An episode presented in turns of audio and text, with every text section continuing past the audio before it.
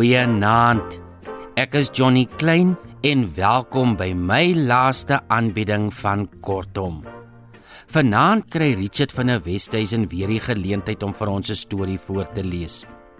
Ek is so bevoorreg om vir Richard te kon kry om vanaand voor te lees, want Richard was saam met my in my heel eerste vervolgverhaal vir RSG. Ek weet nie of jy Helena Hugo se Blinkwater kan onthou nie. Dit was my eerste werk wat ek vir RSG gedoen het. En van daar af het ek en Richard al in baie ander dramas en vervolgverhale gespeel, nie net hier op RSG nie. En elke keer het ek nie net lekker saam met hom gewerk en gelag nie, maar ook so baie van hom afgeleer. In Insimbi, geskryf deur Evert en Marie Snyman, was ek en Richard die eerste gay paartjie wat op radio getrou het. Richard koggel my nou nog wanneer hy my sien of as ons oor die foon praat, groet hy my altyd met "Hallo my bruid" of "Totsiens bruid". Dankie vir al die lekker tye hier by RSG Richard. Maar laat ek nie verder tyd mors nie. Vanaand lees Richard vir ons Die spore geskryf deur C.J. Langenhoven. Die storie kom uit die bundel Die wandelende geraamte en ander spookstories. Dit is saamgestel deur Wendy Martins en die uitgewers is Protea Boekhuis. Geniet dit.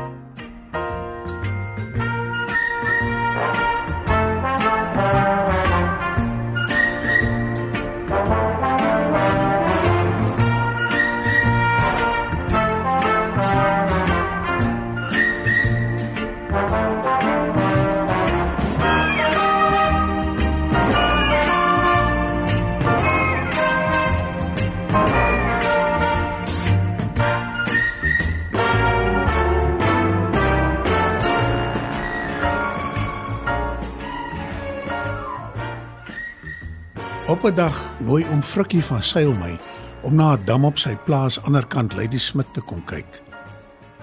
Hy en sy buurman stry oor die water en ek moet raad gee. Nie omdat ek 'n spookwetenskaplike is nie, maar omdat ek in my vrye tyd ook 'n prokureur is. Hy kom laai my op en ons val in die pad. Ek verkyk my soos altyd aan die groen plasies en die wit huisies, maar veral een plekkie steel my hart. Dis 'n juweel. 'n Mens kry sommer lus om weg te loop en daar rus en vrede te gaan soek. Jy is heeltemal reg. Niemand sal jou daar pla nie, sê oom Frikkie. Die plek se naam is Geluksdal, maar almal noem dit Ongeluksdal. Die familie wat daar bly, was nog altyd net ongelukkig. So waar, oom? Por ek wat onmiddellik 'n spook ruik. So waar as wat Paramaneldra, sê hy. Haar is nog net 'n tweelingbroer en suster oor. Nie een van die twee is getroud nie. Hulle pas mekaar op soos goud, maar eh, kom ons stop eers en steek 'n vuur aan en maak 'n koppie koffie. En net daar langs 'n fontein in die skaduwee van die mooiste blou berge Vertel hom Frikkie vir my hierdie storie. Die broer se naam is Gert. Hy is 'n dierbare mens, en so getrou aan sy suster soos 'n hond aan sy baas. Ongelukkig is hy nie die slimste ou in die distrik nie. Mina, sy suster, is van kleins af lam in haar onderlyf, maar met haar verstand maak keer daar niks. Sy bestuur die plaas van haar rusbank of rolstoel af en Gert moet haar orders uitvoer. Dit was van kleins af so. Gert stoot vir sussie Mina rond, maar dis sy wat besluit waar Boetie Gert kan speel en waar mee. Nie een van die twee dink eens aan trou nie.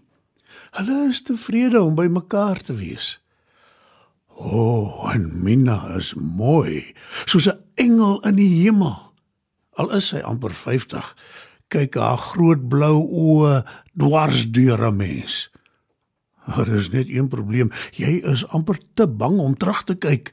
Dit voel kompleet asof jy in daardie blou oë gaan verdrink. Jy kan maar lag, Corneels. Ek het nog altyd 'n plekkie in my ou jong kerel hart vir haar gehad. Maar dis genoeg vir my om altyd welkom op ongelukstal te wees.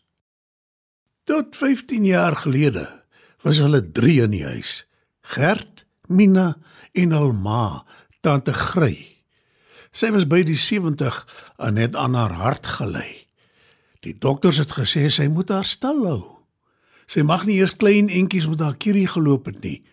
Maar hoor is min. Sy sou eerder dood met haar kierie neerslaan as om heeldag in die bed te lê. Toe die kinders die kierie wegsteek, het sy opgestaan en daar sonder gewaggel tot sy in mekaar sak. Die dokters het daar vir 'n maand Harolds baie toe gestuur om te gaan rus. En Gert en Mina is saam en wie het hulle gevra om 'n bietjie handjie by te sit? Niemand anders as ek nie. Ek gaan met my waan tent. Gert en Mina en ou tante Grey huur 'n huisie. My waan tent staan op 'n hoogte en die huis staan 'n hele ent boontoe. Om by hulle te kom, moet ek met 'n styl kronkelpad tussen die bosse deurloop. Maar ek gee nie om nie. Daar kamp darme dokter De Wet op Victoria Bay.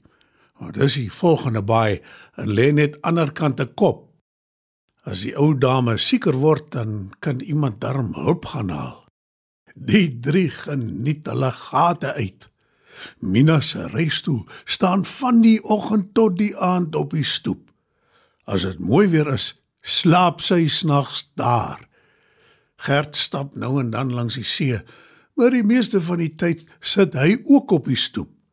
Te bly dat Mina nie plaaswerk kan uitdeel nie. Maar jy moes die ou dame gesien het. Na 'n paar weke is sy soos iemand wat 10 jaar jonger is. Sy bly op en af met die krietjie stap in en uit by die bosse. Gert en Mina moet net keer want sy wil teen die bult af strand toe loop. Toe dit tyd raak om op te pak, begin dit reën. 'n Hele week lank sjor die geete. Teen die Saterdag hou dit op, maar die wolke pak nog saam. Daardie aand trek hulle weg en die maan skyn helder. Ek loop oor die kronkelpad na my vriende. My swart skaduwee loop voor my in die pad uit. My voetstappe maak tjorts tjorts in die modder. Die druppels skitter aan die takke. In die verte sien ek die hek en die huisie. Hoe ek is skaars 20 tree van die hek af. Toe gaan hy oop. Maar daar kom niemand uit nie. Snaaks dog ek. Die wind waai mos nie. Die hek gaan weer toe. En ek hoor hoe die skuiwer toe klik. Dis toe dat ek op die grond kyk. Van die hek af kom twee rye spore reguit na my toe aan. En al om die ander een is 'n ronde kolspoor soos 'n kirisin. Hulle word duidelik in die nat grond getrap, een voor die ander. Dis die stadige waggelstap van 'n ou mens. Ek hoor die sjoeg, sjoeg van die modder en die korter tjoek suig waar die kierie weer opgetrek word. Maar daar is niemand wat die spore trap nie. Geen voete nie en geen kierie nie. Omdat ek 'n skierige ou is, wil ek nie dadelik omvlieg nie, maar ek is ook nie vreeslik op my gemak nie. Ek bly staan tot die spore by my is en draai uit sodat hulle kan verbystap. Maar hulle draai agter my aan en kom tot by my. Nou ja, sê ek vir myself, daar sal ek maar aangaan soos ek gekom het. Maar net toe ek die eerste tree wil gee, kom die een voetspoor tot teen my. 'n Hand vat my aan die arm. Dit is maar bewerig en swak. Al wil ek, kan ek nie my arm wegruk nie. Dit voel net nie reg nie. Draai ek maar om en en stap in die rigting wat die een aan my arm wil stap. Kort voor lank los hy hand my arm, maar die spore loop effe skuins voor my om die pad te wys. En so stap ons verby my wa in tent oor rotse en tussen kraanse deur tot op 'n verlate deel van die strand. Skielik skop ek teen iets wat in die vlakwater lê. Dis Gert. Ek kan in die helder maanlig sien dat sy been lelik gebreek is. Toe ek hom optel, skree hy van die pyn. Ek stap met hom so vinnig as wat ek kan en roep vir die mense wat naby my waakkamp om my te kom help. Mina wag by die hekkie. Ek kan sommer aan haar gesig sien daar is fout. "Dankie tog jy's hier," sê sy. "Moeder is oorlede en Gert lê iewers vir ongeluk." "Toe maar," troos ek. "Jou ma se hart was moeg. Dit kan nou rus. En Gert is veilig in my tent. Hy het net sy been gebreek. Die dokter sal net nou hier wees." Maar uh, hoe het jy van Gert se ongeluk geweet? Mina kyk na my met daardie groot blou oë. Gert was omtrent 'n halfuur weg. Ek was besig om moeder se gesig af te vee, toe sit sy skielik kierts regop en sê: "Mina, daar val Gert. Hy gaan verdrink. Niemand gaan weet waarom hom te kry nie." Frikkie is amper by die hek. Gee my kierie dat ek kom kan gaan wys waar Gert is. Ek wil nog mooi praat, maar sy staan met haar laaste krag op. En toe sak sy terug teen die kussings en alles is verby. Dis toe dat ek die hekkie hoor oop en weer toe gaan. Sy het toe vir jou gaan wys waar Gert is, net soos sy gesê het kierie en al. My hemel Gert, sê ek toe ons hom in die tent op sy bed neerlê en sy been gemaklik maak. Hoe kom jy daar? En wat het jou oorgekom? Dis moeder, prewel hy. Sy het naar geword en ek wou om die kop loop om die dokter op Victoria Bay te gaan haal. Wat gebeur het, weet ek nie. Maar my voet het gegly En toe ek my oë uitvee, rol ek teen die kraans af. Ek sien die water stoot op en begin skree, maar niemand hoor my stem bo die geraas van die branders nie. Toe maak ek my maar gereed om te sterf. 'n Ruk later was jy daar. Hoe het jy geweet om te kom? Ek sal jou later sê, Gert. Ek het iemand gestuur om die dokter te gaan haal. Ek loop so lank na jou huis toe om te sê jy het 'n ongeluk gehad, maar is buite gevaar. Jy moenie oor my bekommerd wees nie, pleit Gert. Laat die dokter eers na moeder kyk. Ek kry dit nie oor my hart om vir Gert van die hand op my arm en die spore te sê nie. En stap aan na die huisie.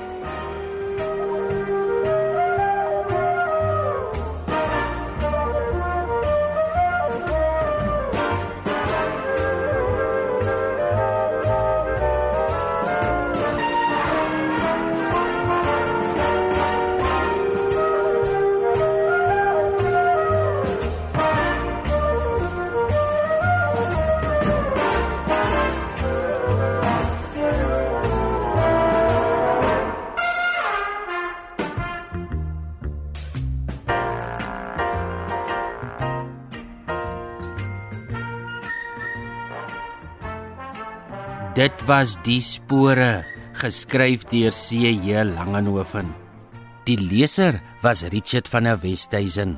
Dankie Richard. Vanaand se kortom was vir my ekstra spesiaal. Dankie dat Richard deel was daarvan, want soos ek genoem het, is dit my laaste keer wat ek kortom aangebied het. Dit was vir my die grootste voorreg om 'n aanbieder te kon wees. Craig Lee Smith Jy is al in die hemel, maar weer eens baie baie dankie vir die geleentheid. Jy het 'n droom laat waar word. Dankie vir my one moment in time. Vir jou as luisteraar gaan ek ook vreeslik baie mis. Baie dankie dat jy dit elke Dinsdag aand saam met my geniet het. Ek het regtig elke liewe leser en storie so baie geniet. Ek het probeer om vir almal iets te gee waarvan jy hou en daar was 'n verskeidenheid van stories. Liefdesstories, stories oor die diere, ware verhale, Christelike stories, stories vir oud en jonk, spookstories, bangmakstories, snaakse en ernstige stories, kontry stories, selfs monoloë, so baie om op te noem. Dankie aan almal wat my gekontak het om hulle stories voor te lees en jammer dat ek nie by almal se stories kon uitkom nie. Ek weet ek kon nie elke Dinsdag aand vir almal gelukkig hou nie, maar ek glo iewers in die bondel was daar 'n storie waarvan jy ook gehou het. Nou laat dit my wonder wat jou gunsteling was. Asseblief laat weet my. Maar vanaand moet ek sê, fluit fluit, my storie is uit. Mooi bly en pas jou op.